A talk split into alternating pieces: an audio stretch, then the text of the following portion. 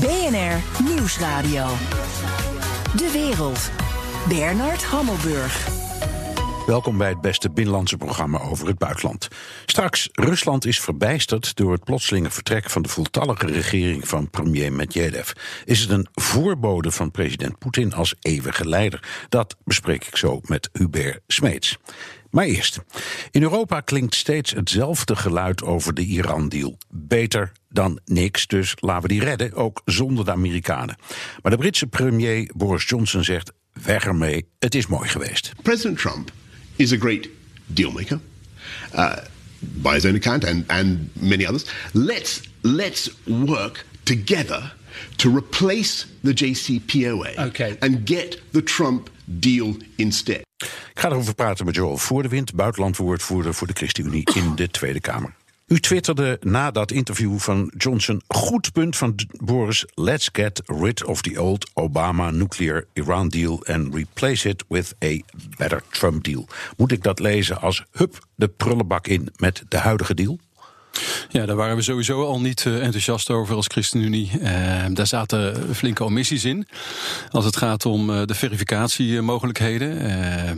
Er mocht alleen gemonitord worden door bevriende naties via het atoomagentschap van de VN. En we hebben ook gezien dat bepaalde inspectiesites verboden terrein waren. Daar waar juist wel weer ontwikkelingen waren als het gaat om verrijken van uranium. Maar los daarvan zat ook het ballistische raketprogramma niet in deze deal. En die vormt natuurlijk ook voor Europa, maar met name ook voor Amerika, een grote bedreiging. Dus uh, het was, uh, er was een deal, maar het was niet voldoende. Ja. Ik, ik heb begrip voor het besluit van uh, president Trump. En als er nu een betere deal uit kan komen, dan moeten we daarvoor gaan. Even over die raketten. Um, u zegt die ballistische raketten, dat is een probleem. Die zit niet in de deal, maar dat hoefde volgens mij niet. Want er was in 2015 een aparte resolutie van de Veiligheidsraad over. Dat was al verboden. Dus met instemming van uh, China en Rusland. En daar horen we eigenlijk nooit wat over. Dus waarom wordt de kwestie van de raketten niet daar aangemeld als overtreding van een, van een VN-besluit? Ja, dat kan daar wel worden aangemerkt. Maar we zagen de afgelopen jaren dat die uh, proeven met die raketten gewoon doorgingen. Uh, dus uh, Iran trok zich daar weinig van aan. En er waren ook geen maatregelen, behalve wat de Amerikanen hebben gedaan. vanuit Europa, of druk vanuit Europa, om daar iets aan te doen. Er werd tegengedronken, er werd gezegd, daar zijn we niet blij mee. Maar er werden geen concrete acties op ondernomen. Dus als er nu opnieuw naar die deal gekeken wordt, en ik vind het een hele slimme van de president van de Verenigde Koninkrijk laat Trump dan uh, de lead nemen. Uh, we hebben gezien waar, we komen net terug uit, uit Israël als, als ChristenUnie-fractie. En daar wordt ook gezegd, weet je, uh, thee drinken, praten.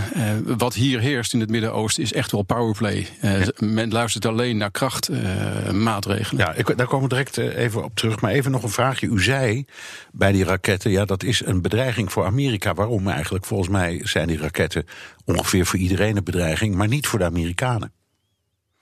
Nou, omdat deze, dit, dit zijn raketten die een heel groot bereik hebben. Uh, uit mijn hoofd iets tussen, tussen de 7 en de 800 uh, kilometer. Die kunnen in ieder geval Europa bereiken.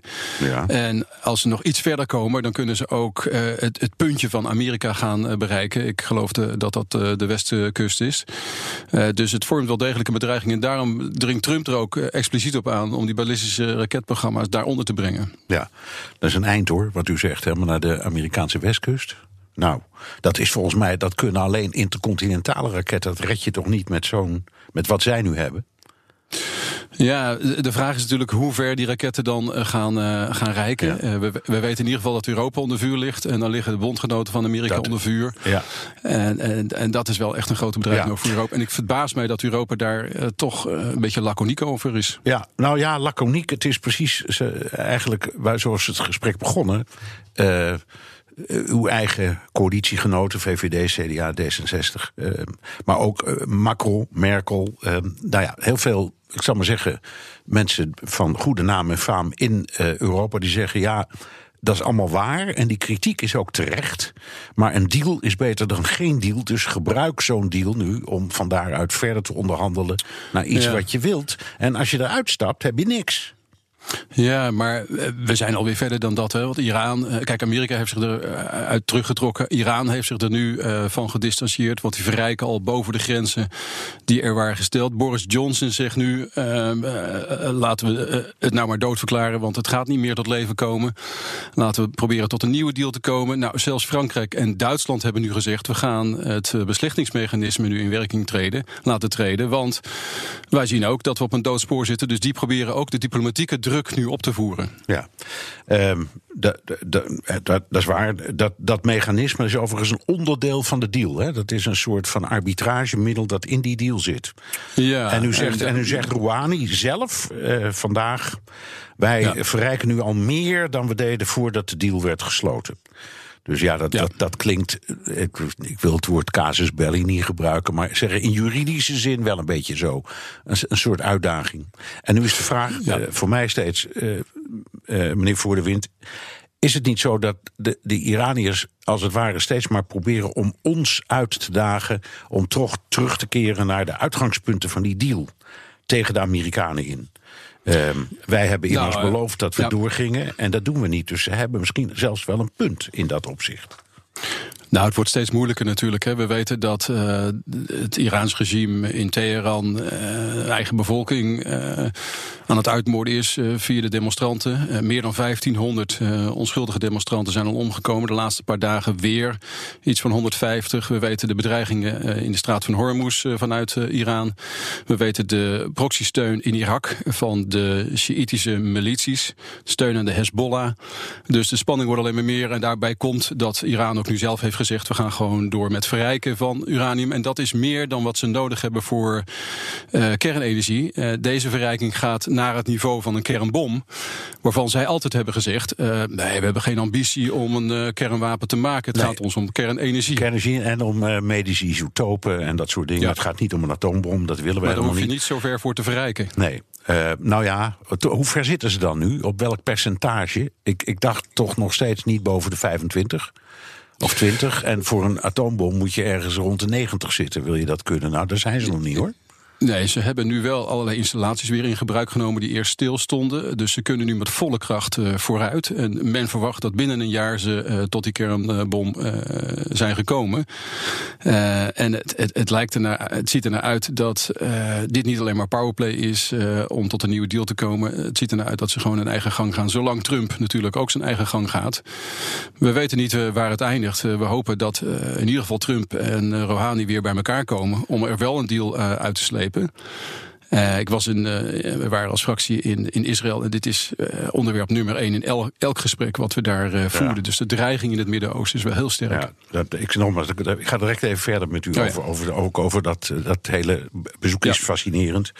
Um, ik, ik heb zelf ook die signalen vaak van de Israëli's gehoord. En al jaren hameren ja. ze daarop. Dus het is ook niet, voor hun is niet nieuw. Hè? Maar goed, dan komen zo even nog, even nog een paar dingen. Ja. Europa heeft een aantal dingen geprobeerd. Bijvoorbeeld Instex. Dat was dan een betalingssysteem. Uh, zodat je handel kon blijven drijven met Iran buiten de Verenigde Staten om. Ja. Uh, zegt u, weg ermee? Of zegt u, eh, jongens, laten we eerlijk zijn, het is toch niet gelukt, dus u hoeft dus niet eens weg ermee. Maar is dat allemaal, nou ik zeg maar zeggen, hete lucht, uh, verloren tijd, uh, uh, zonder voor de energie? Die hele discussie.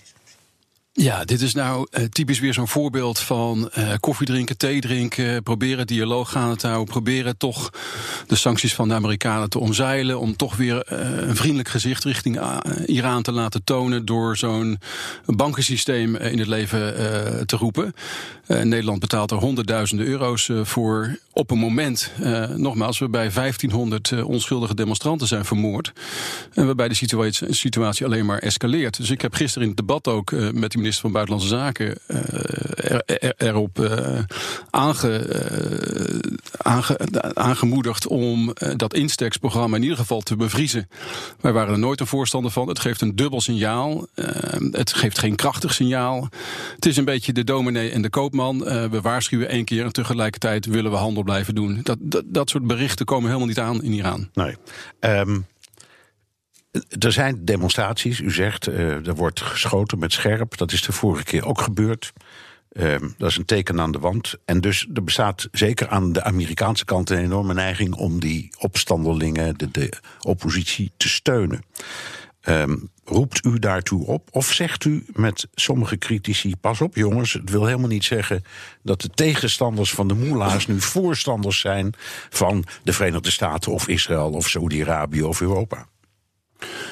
Nee, als je kijkt naar de motieven van deze demonstranten, dan is dat uh, echt gericht op hun eigen positie. Uh, de, het feit dat de brandstofprijzen omhoog zijn gegaan, het levensonderhoud, de levensmiddelen zijn enorm gestegen.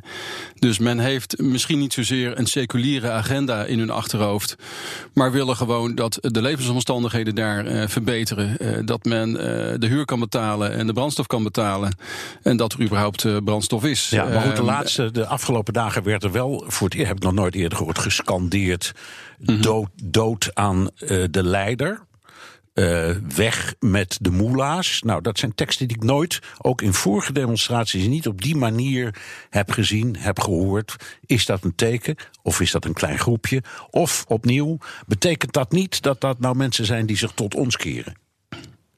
Ja, daar uh, is natuurlijk ook nog een keer het Oekraïnse vliegtuig wat is neergeschoten uh, door Iran. Uh, al is het per ongeluk bijgekomen. Dat geeft ook een grote weerzin tegen dit regime. Die eerste dagen dat onder de pet wilde houden. Dus je ziet dat de onrust die er is zich nu wel degelijk tegen het regime gaat keren. Um, en de vraag is hoe het regime nu gaat reageren op, op deze aanklachten. Want er zal ergens een keer een toezegging gedaan moeten worden.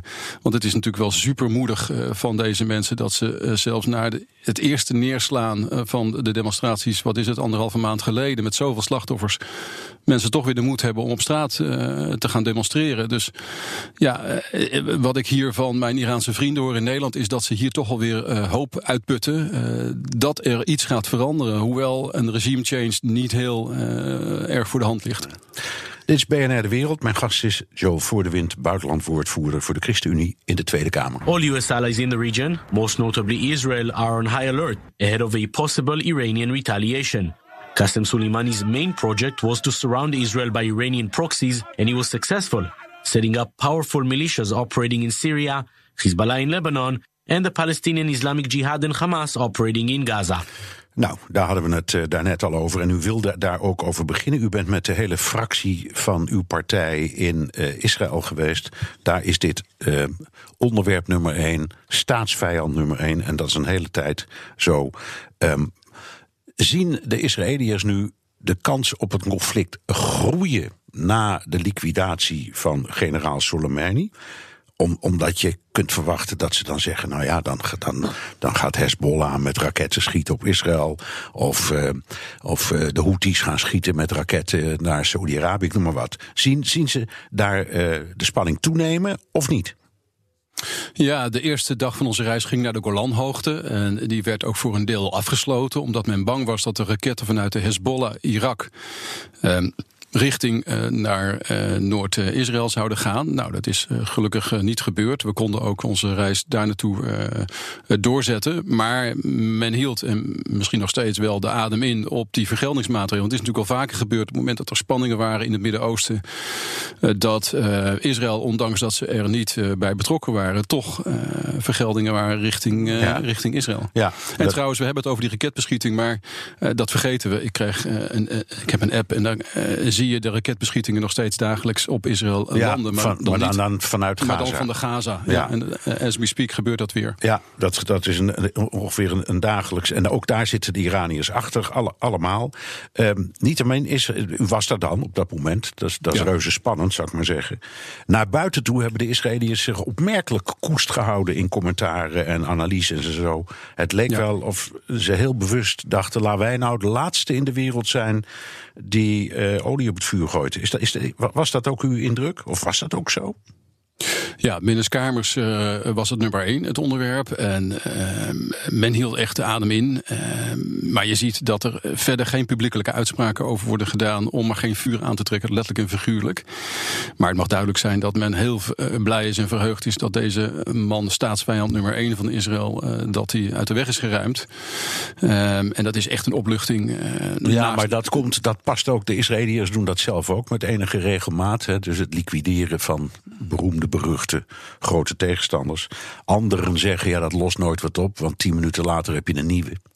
En het is alleen maar een symbool. En het is en het blijft een, een soort politieke moord. Dus wat heb je er eigenlijk aan? Nou ja, dit was wel een, uh, de, de, de, hoogste strateeg, militaire strateeg van uh, de revolutionaire garde. Uh, de, de, bedenker van allerlei proxy-strijdkrachten. ondersteuner van milities, ook van de Hezbollah in Irak. Maar ook in Libanon. Dus het was wel een sleutelfiguur. het was niet zomaar iemand. En ja, voordat ze zo'n man weer opgeleid hebben, daar zal weer even wat tijd overheen. Het lost natuurlijk het probleem niet op. Dat is zeker waar. En de enige manier om het op te lossen is tot een uiteindelijk ook een uh, staakt het vuren te komen ja. met, met Iran. Het is, het, ja, maar het heeft, het, heeft, het, het heeft allemaal ook iets primitiefs, dat bedoel ik eigenlijk. Um, om op die manier. Nou ja, dat, ja. dat kan je zeggen. Tenzij dat je natuurlijk daar in, in Israël uh, woont. Ik bedoel, wij waren in gebieden, ik noem het al Golan, maar ook aan de Gaza, waar we, waar we tien meter van het hek uh, vandaan uh, zaten. Ja. En, en waar je toch constant even kijkt waar de eerste beste schuilkelder is. En zo doen dat de lokale bevolking daar ook. Dus Zeker. het is wel heel een reëel gevaar. Zeker. Um, Waar u uh, uiteindelijk niet was, was uh, in een gesprek met Palestijnse vertegenwoordigers, wat ook op het programma stond. En ik begrijp dat dat kwam, dat uw fractie daar uiteindelijk niet welkom was, omdat u persoonlijk daarbij uh, bij was. U, wa u was, nou ja, de ergernis. Is dat waar? Ja. Nou, dat is, dat is de officiële reden, geloof ik, geweest. Ja. Ze hebben daar een persverklaring over uitgedaan. Terwijl ik toch iemand ben die vriendelijke manier is en met veel mensen wil praten. Jawel, maar hoe verklaart u het? Um, zeg, zeggen ja, ze, u, bent, u bent te veel een spreekbuis van Bibi Netanyahu, daar hebben we helemaal niks aan. Ja, uh, zo doen ze het af. Uh, kijk, uh, wij hebben hier een motie ingediend als ChristenUnie om de betalingen van veroordeelde terroristen te stoppen. En de betaling zou nog iets van kunnen vinden, maar die betalingen zijn afhankelijk van het aantal slachtoffers wat je hebt gemaakt. Hè. Dus het zijn terreurdaden ten opzichte van onschuldige burgers. Nou, daar heb ik hier een motie over ingediend in het Nederlands parlement. En dat heeft geleid tot stopzetting van de directe hulp aan de Palestijnse autoriteiten. Dus ik kan me voorstellen dat ze daar verbolgen over zijn. Maar het is een kwestie waar heel Europa over verbolgen is. Uh, en waar heel Europa een, een verandering wil zien. Uh, dus ja, uh, aan de ene kant begrijp ik, aan de andere kant, ik had graag het gesprek aangegaan over die P voor Slee, oftewel die terroristenbonus, met hen. En ik had ook graag het gesprek aangegaan hoe we bijvoorbeeld de bewegingsvrijheid van de Palestijnen zouden kunnen ondersteunen als Nederland met onze chips en, en, en technologie. Want zoals u misschien weet, heeft Nederland ook eerder uh, scanners geleverd. Ja, in Gaza. De, ja. de Gaza en ook in de Ellerby Bridge. Ja. Om te kijken hoe die, die goederentransporten uh, kunnen versnellen. Ja. En uh, deze en gesprek heb ik nu ook weer gevoerd. Klopt. Die scanners die controleren dan of er geen wapens in zitten. En dus kun je makkelijker goederen die grens over doen. Ja. Het, is, het, is, het zijn mooie dingen. Ja. Nou, iets heel anders wat ik even met u wil bespreken. En dat weten we, gaat u zeer aan het hart.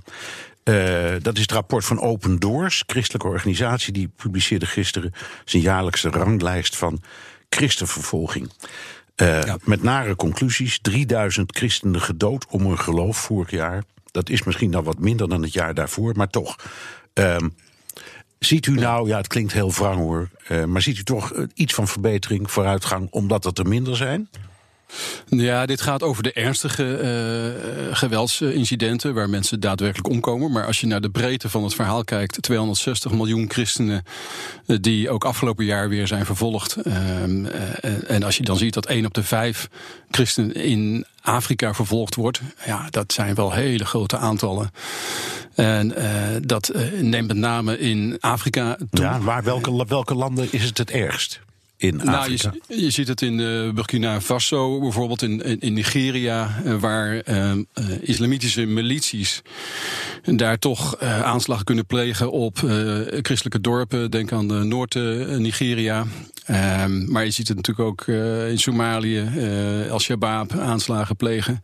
Ook specifiek op christelijke doelen. Dus ja, ja die, die islamitische ehm, militante groeperingen eh, krijgen daar steeds meer de overhand. U hebt er ook Kamervragen over gesteld.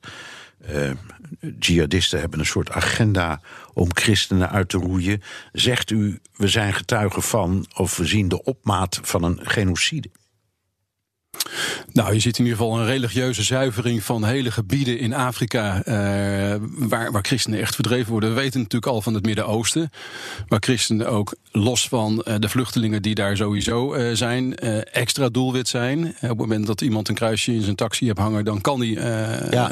alleen ja. vanwege dat kruisje geliquideerd worden. De, de, de kopten in Egypte en de kopten, op. Ja, Egypte en Syrië. Ja, Syrië. Er zijn net weer drie, drie priesters ontvoerd. En, met, ongetwijfeld ook weer een slechte afloop.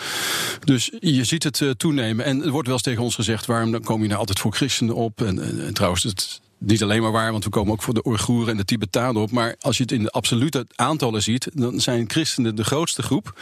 Christen is de grootste groep eh, van de vervolgde minderheden in de wereld. Dus het is ook wel voor de hand liggend dat we dat doen. Ja, laten we er nog één noemen. Uh, China, de Oeigoeren. Ja. Uh, worden daar vervolgd. Daar hebt u zich ook heel druk over gemaakt. Maar ook christenen.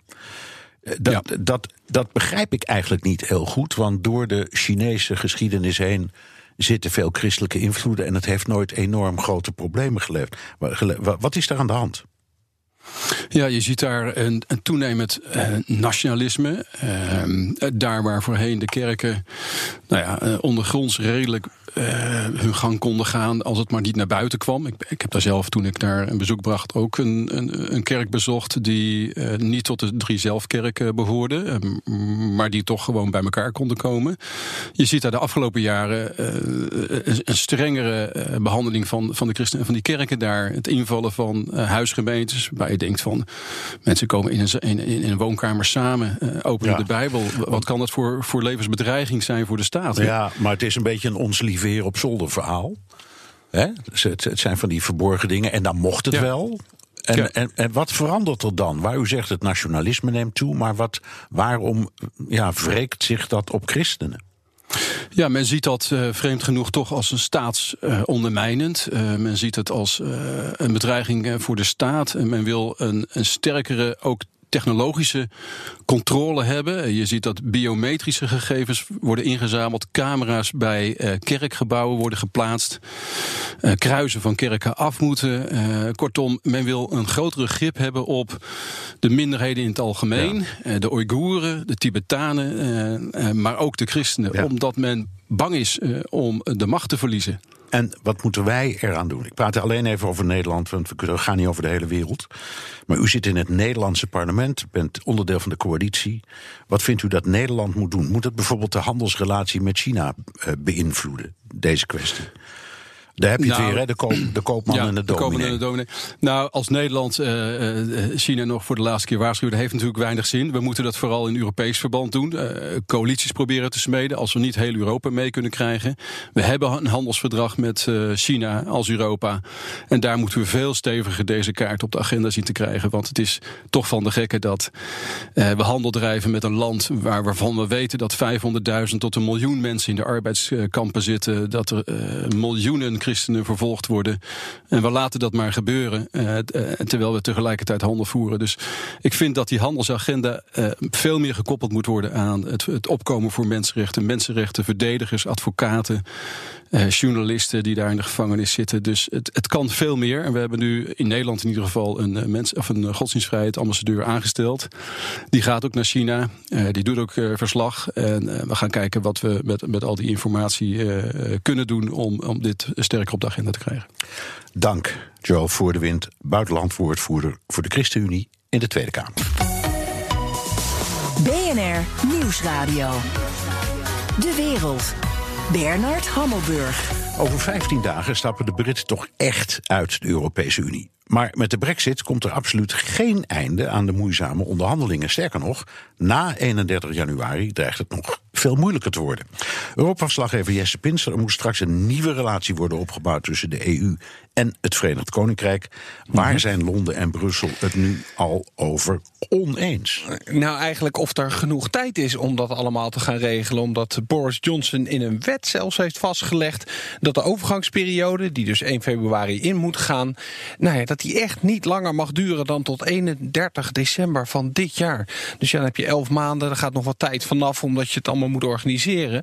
Ja, nou, ik was deze week bij een uh, bijeenkomst van de, die werd georganiseerd door de Nederlands-Britse Kamer van Koophandel. En daar was ook de ambassadeur van uh, Groot-Brittannië in Nederland, Peter Wilson. En nou, die was redelijk optimistisch hierover. We will have a transition period that will last until the end of the year, and that gives plenty of time for people to make the adaptations that will be necessary. Ja, en daar tegenover stond dan Stefan de Rijk. Dat is een medewerker van uh, EU-onderhandelaar Michel Barnier.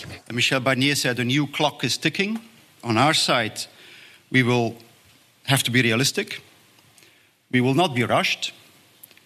But we will do as much as we can on the EU 27 side to conclude as many issues as possible during 2020 in the limited time that we have available. Ja, dus de ene kant zegt er is meer dan genoeg tijd... en de andere kant zegt er is eigenlijk maar heel weinig tijd... en een volledig handelsakkoord is niet mogelijk. En dan was daar verder trouwens op die bijeenkomst nog Hans de Boer... de voorzitter van VNO-NCW, die dus uh, ja, het bedrijfsleven vertegenwoordigt... en die is nog steeds gewoon ja, een beetje ziek... en heeft een pleurishekel aan de brexit. I was quoting Lyndon Johnson, who said... I rather have someone in the tent pissing out... than someone outside the tent pissing in. But then one of my German colleagues said, Yes, Hans, but what if somebody is in the tent and pisses in all four corners? Ja, de Britten die pissen in iedere hoek van de Europese tent, uh, Bernard. Ja, je kan boos blijven doen over die brexit, zoals Hans de Boer. Maar we moeten verder. Dus hoe denkt de grote lobbyist voor het Nederlandse bedrijfsleven daar dan over? Ja, die, deelt niet echt het optimisme van de Britten dat er wel genoeg tijd zal zijn om een uh, nieuwe relatie op te gaan bouwen. Laten we even rustig naar hem luisteren. Uh, de tijd is te kort voor een hele uitgebreide uh, vrijhandelsdeal.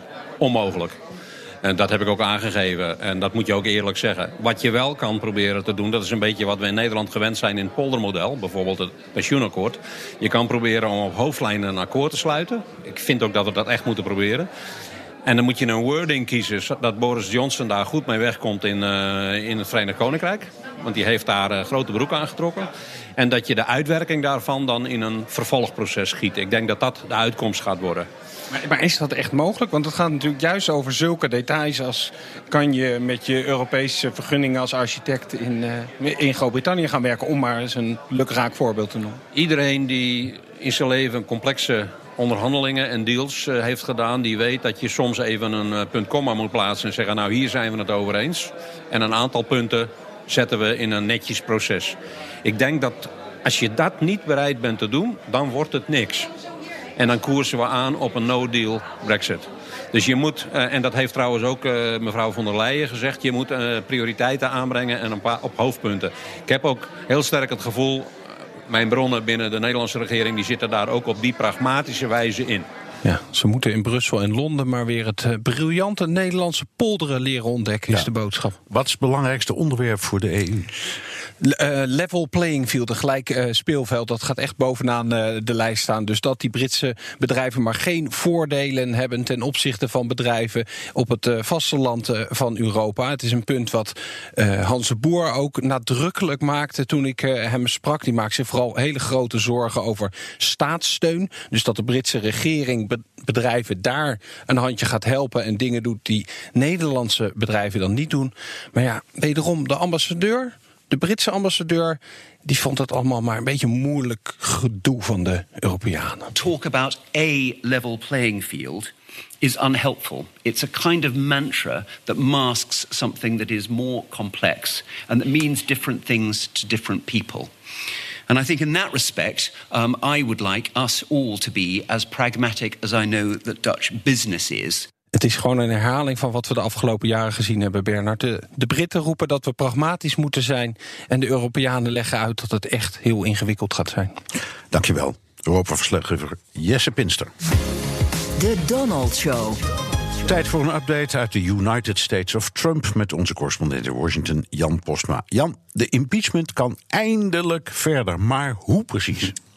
Ja, eindelijk. Ja, het, wordt een, het is al een mix van ceremonie en de inhoud, Bernard. We hadden woensdag al veel ceremonie met een processie... waarin de articles of impeachment naar de Senaat werden gebracht. Nou, het, het was alsof er iemand begraven werd in een lege kerk. Zo zag het eruit. uh, was ook uh, een, ja, niet echt gezellig, maar goed. Dat hoort ook bij zo'n plechtig moment, denk ik dan. Er was ook een debat in de Senaat. En Trump probeerde dat nog te overschaduwen... door heel lang te doen over het tekenen van de eerste fase van de China-deal. Hij bedankt iedereen in de zaal. En op een bepaald moment zelfs mensen die niet in de zaal waren, omdat hij wist dat de camera's liepen.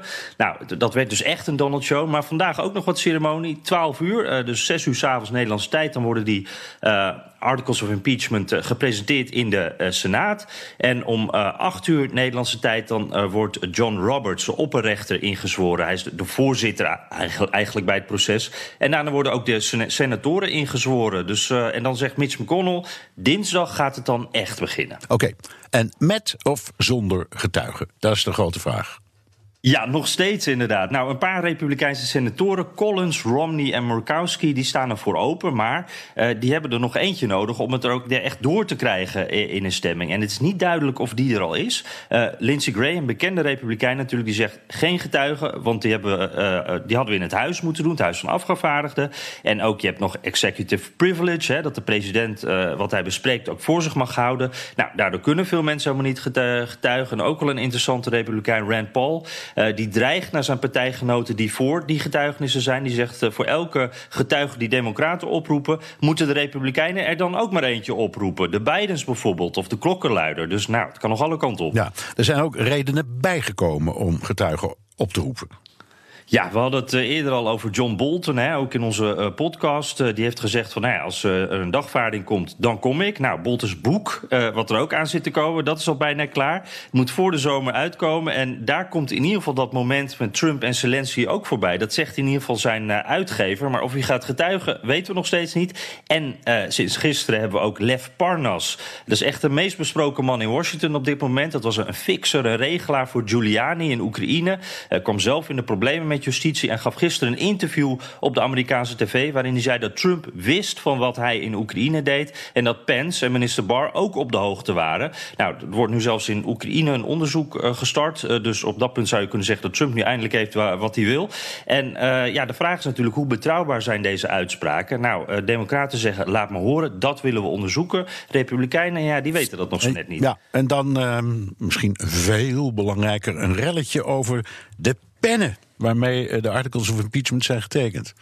Ja, ja, ja, ik zei veel ceremonie. Hè. Dit was ook een hele ceremonie. Het tekenen van die articles lagen, lagen echt een hele hoop pennen klaar op zilveren dienbladen. En Nancy Pelosi die, die, die tekende elke, elk paraafje met een andere pen. En die worden dan weggegeven aan de andere hoofdrolspelers. Hè. Dat gebeurt vaker. Iemand wees me erop dat bij de Clinton impeachment een typfoutje op de pennen stond. Er stond niet United States, maar Untied States. Dus dat was wel een hele mooie. Maar het Trump-team was daar eigenlijk niet zo blij mee op dit moment dat het zo ging. Want zeiden dat is niet, niet respectvol en dit is ook veel te duur. Did you notice? They had a silver platter for the pens. Everybody got a special party favor, a little pen to take home. We are paying for those freaking pens and for that platter.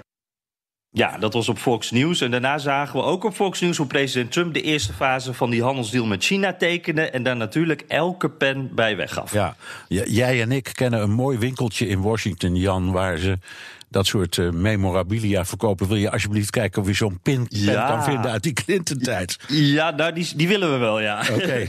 Dankjewel, Jan Posma, onze correspondent in Washington. BNR Nieuwsradio. De wereld.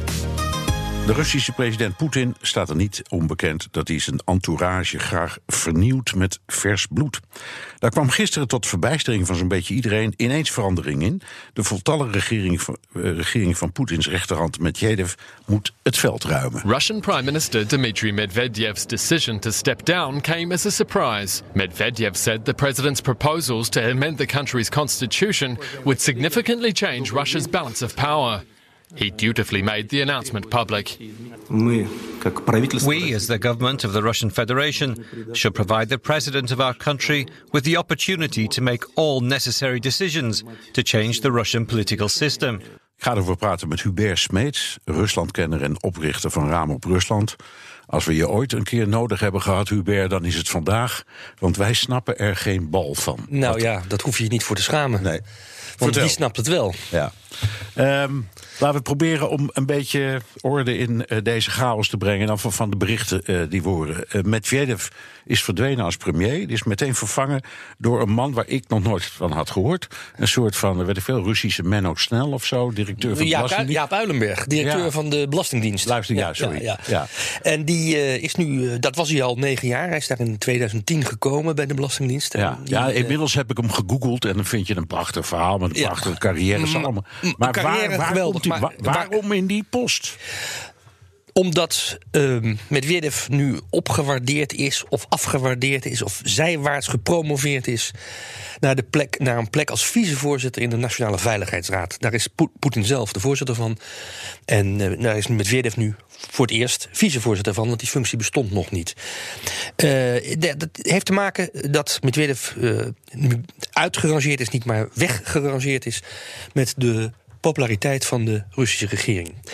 Rusland is in het buitenland zeer stabiel. Heeft eigenlijk alle, alle initiatieven die, eh, die er nodig zijn om in het Midden-Oosten, in de Donbass, in Oekraïne verder eh, de greep te houden op de Ja, situatie. in de. Veiligheidsraad, ja. In de Veiligheidsraad kunnen ze natuurlijk met hun, met hun veto's elke beslissing eh, blokkeren als ze willen.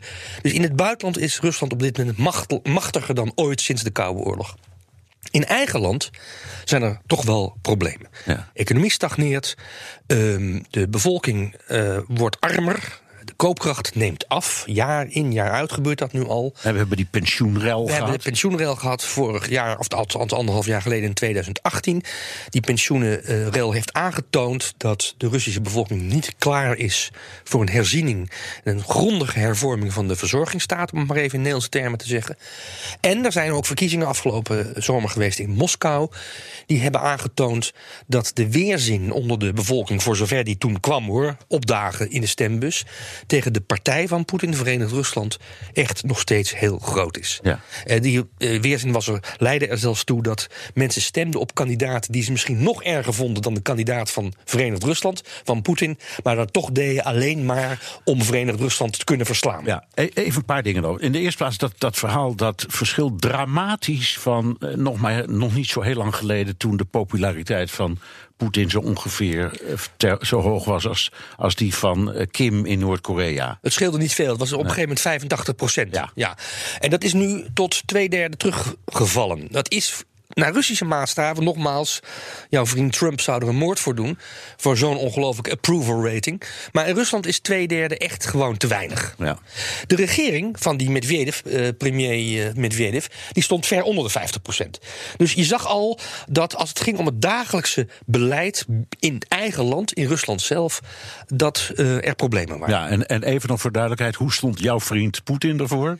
Eh, op- die, Ja. nu, die staat nu zo eh, iets op de, op de 65 procent. Nou ja, maar dat- dat is voor hem te weinig. Dat is te weinig. Maar, maar je moet ook Poetin nageven. Kijk, met, die hele, met alles wat hij nu doet. Je kunt ook zeggen.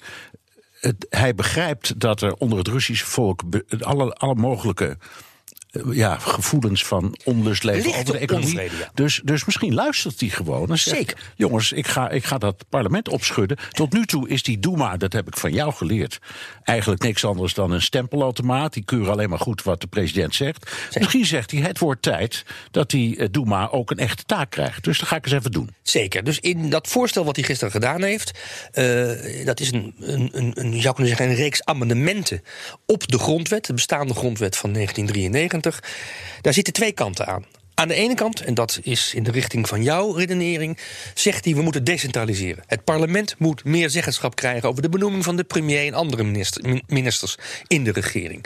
Eh, de federatieraad, de senaat, moet meer te zeggen hebben over ehm, eh, de, eh, de rechters in de hoogste rechtsorganen, het constitutionele hof en de Hoge Raad. Eh, en hij zegt ook, de eh, gouverneurs op lokaal en regionaal niveau moeten meer zeggenschap krijgen over de uitvoering van het beleid.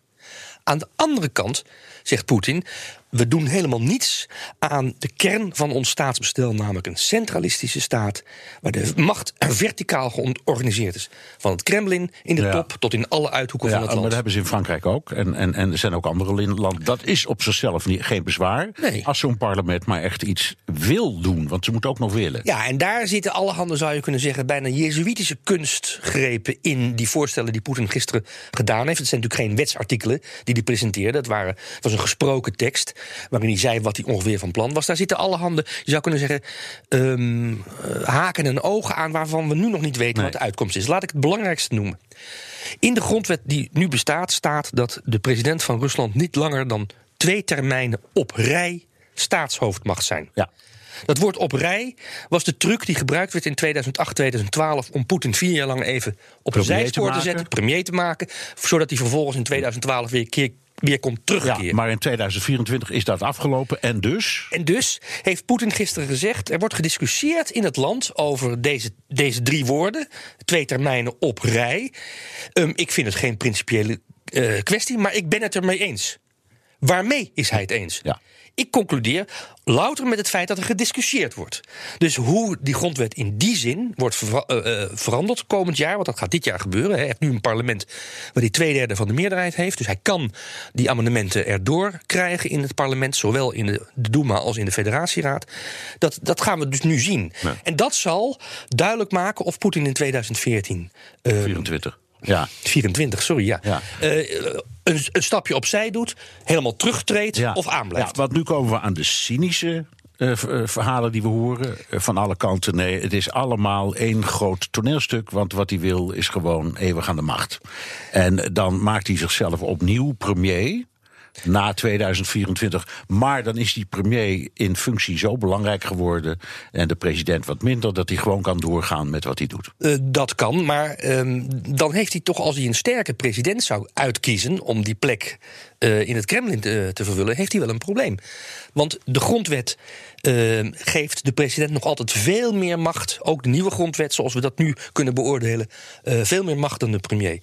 Veel logischer is het dat hij op een wat meer, je zou kunnen zeggen, wat meer op de achtergrond toch aan de touwtjes wil trekken, op een positie waarin hij de grote strategische lijnen kan uitzetten, de grote belangen van Rusland internationaal en nationaal kan blijven bewaken, maar niet meer lastiggevallen wordt met de dagelijkse sores van de pensioenen, van de vuilnisophaaldienst, van de indexatie van, eh, van het minimumloon, et cetera. Ja. En dan zou hij zich misschien ehm, eh, parkeren in of de Nationale Veiligheidsraad, waar hij nu dus een vicevoorzitter heeft, met Medvedev. Of, dat is ook een aanwijzing die hij gisteren gegeven heeft in zijn toespraak tot het parlement. Hij creëert een. Een, eh, maakt een al bestaand orgaan, de zogenaamde staatsraad, nog belangrijker dan die nu is.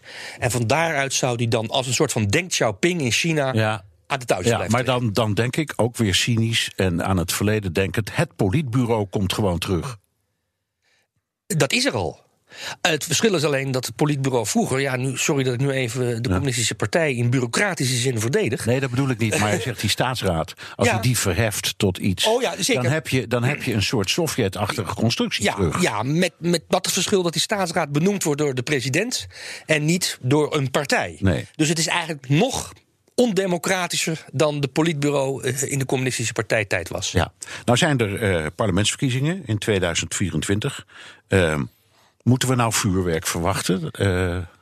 Eh, dit jaar moeten we zeker vuurwerk Oh, zijn nu? Ja, sorry. Er zijn in 2021 zijn er, 21 en in zijn er 24 parlementsverkiezingen. Ja. president. Ja. we moeten zeker dit jaar vuurwerk verwachten. Want in dit jaar zal duidelijk worden welke kant het op gaat.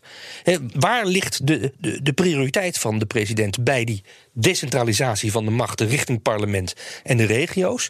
Of ligt de prioriteit van de president bij het, je zou kunnen zeggen, getrukt in stand houden van de presidentiële macht en de centrale macht van het Kremlin? Ja. En dat zal duidelijk worden in, je zou kunnen zeggen, de lezing van de grondwetartikelen die nu voorbereid worden. Ja, nu, nu is het zo dat bij presidentsverkiezingen er altijd een soort truc wordt toegepast. Iedereen ehm, die, eh, ik zou maar zeggen, een gevaar zou kunnen zijn voor eh, Poetin, die wordt met een of andere smoes of met een voorwendsel eh wegtikt. Die mag niet meedoen, of die kwalificeert niet, of die heeft regel 47a niet goed eh, nageleefd, noem maar wat. Hoe zit dat met parlementsverkiezingen? Eh, gebeurt hetzelfde. Wel interessant is dat Poetin al iets gezegd heeft over hoe hij dat voor de presidentsverkiezingen in 2024 wil regelen. Hij heeft gezegd dat de voorwaarden waar alle kandidaten aan moeten voldoen, moeten worden eh, aangescherpt. Tot nu toe moet je uiteraard een Russisch staatsburger zijn en moet je tien jaar lang onafgebroken in Rusland gewoond hebben. Hij wil die termijnen ehm, eh, verlengen tot 25 jaar. En bovendien mag elke, welke presidentskandidaat dan ook geen dubbele nationaliteit hebben. En op die manier heeft hij al een En aantal dus potentiële al- kandidaten uitgeschakeld. Al die rijke luiszoontjes die jarenlang zijn geparkeerd in New York en Boston en noem maar op. En, en, in, en, en op Harvard. Die houdt hij op afstand. Ja, die, die, houdt, die kunnen niet meer meedoen. En hij kan iedereen die, ehm, eh, die ehm, ehm, hem zou willen bedreigen, zou, die kan hij chanteren met: Ik weet meer over jullie. Nou horen we wij van iemand die eh, heel veel zaken doet met Russische ondernemers. Allemaal waar. We zijn niet gek, we weten best hoe die Poetin in elkaar zit.